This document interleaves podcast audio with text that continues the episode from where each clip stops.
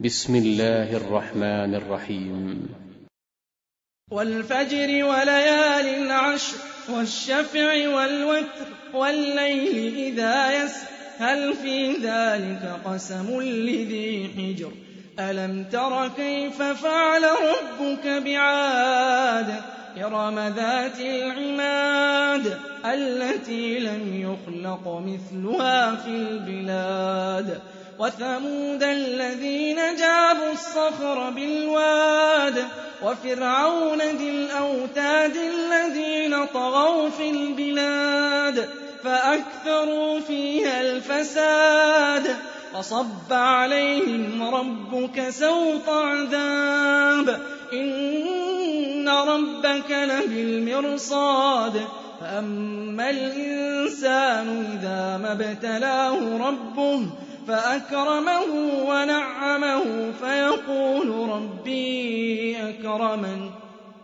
وأما إذا ما ابتلاه فقدر عليه رزقه فيقول فيقول ربي أهانن. كلا بل لا تكرمون اليتيم ولا تحاضون على طعام المسكين.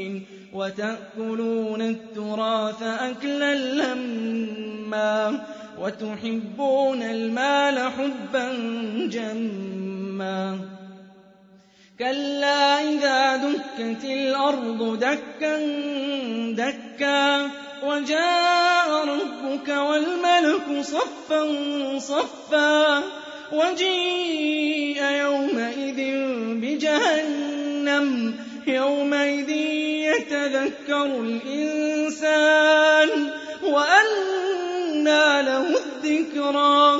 يقول يا ليتني قدمت لحياتي فيومئذ لا يعذب عذابه أحد ولا يوثق وثاقه أحد. يا أيتها النفس المطمئنة ارجعي إلى ربك راضية مرضية. فادخلي في عبادي وادخلي جنتي.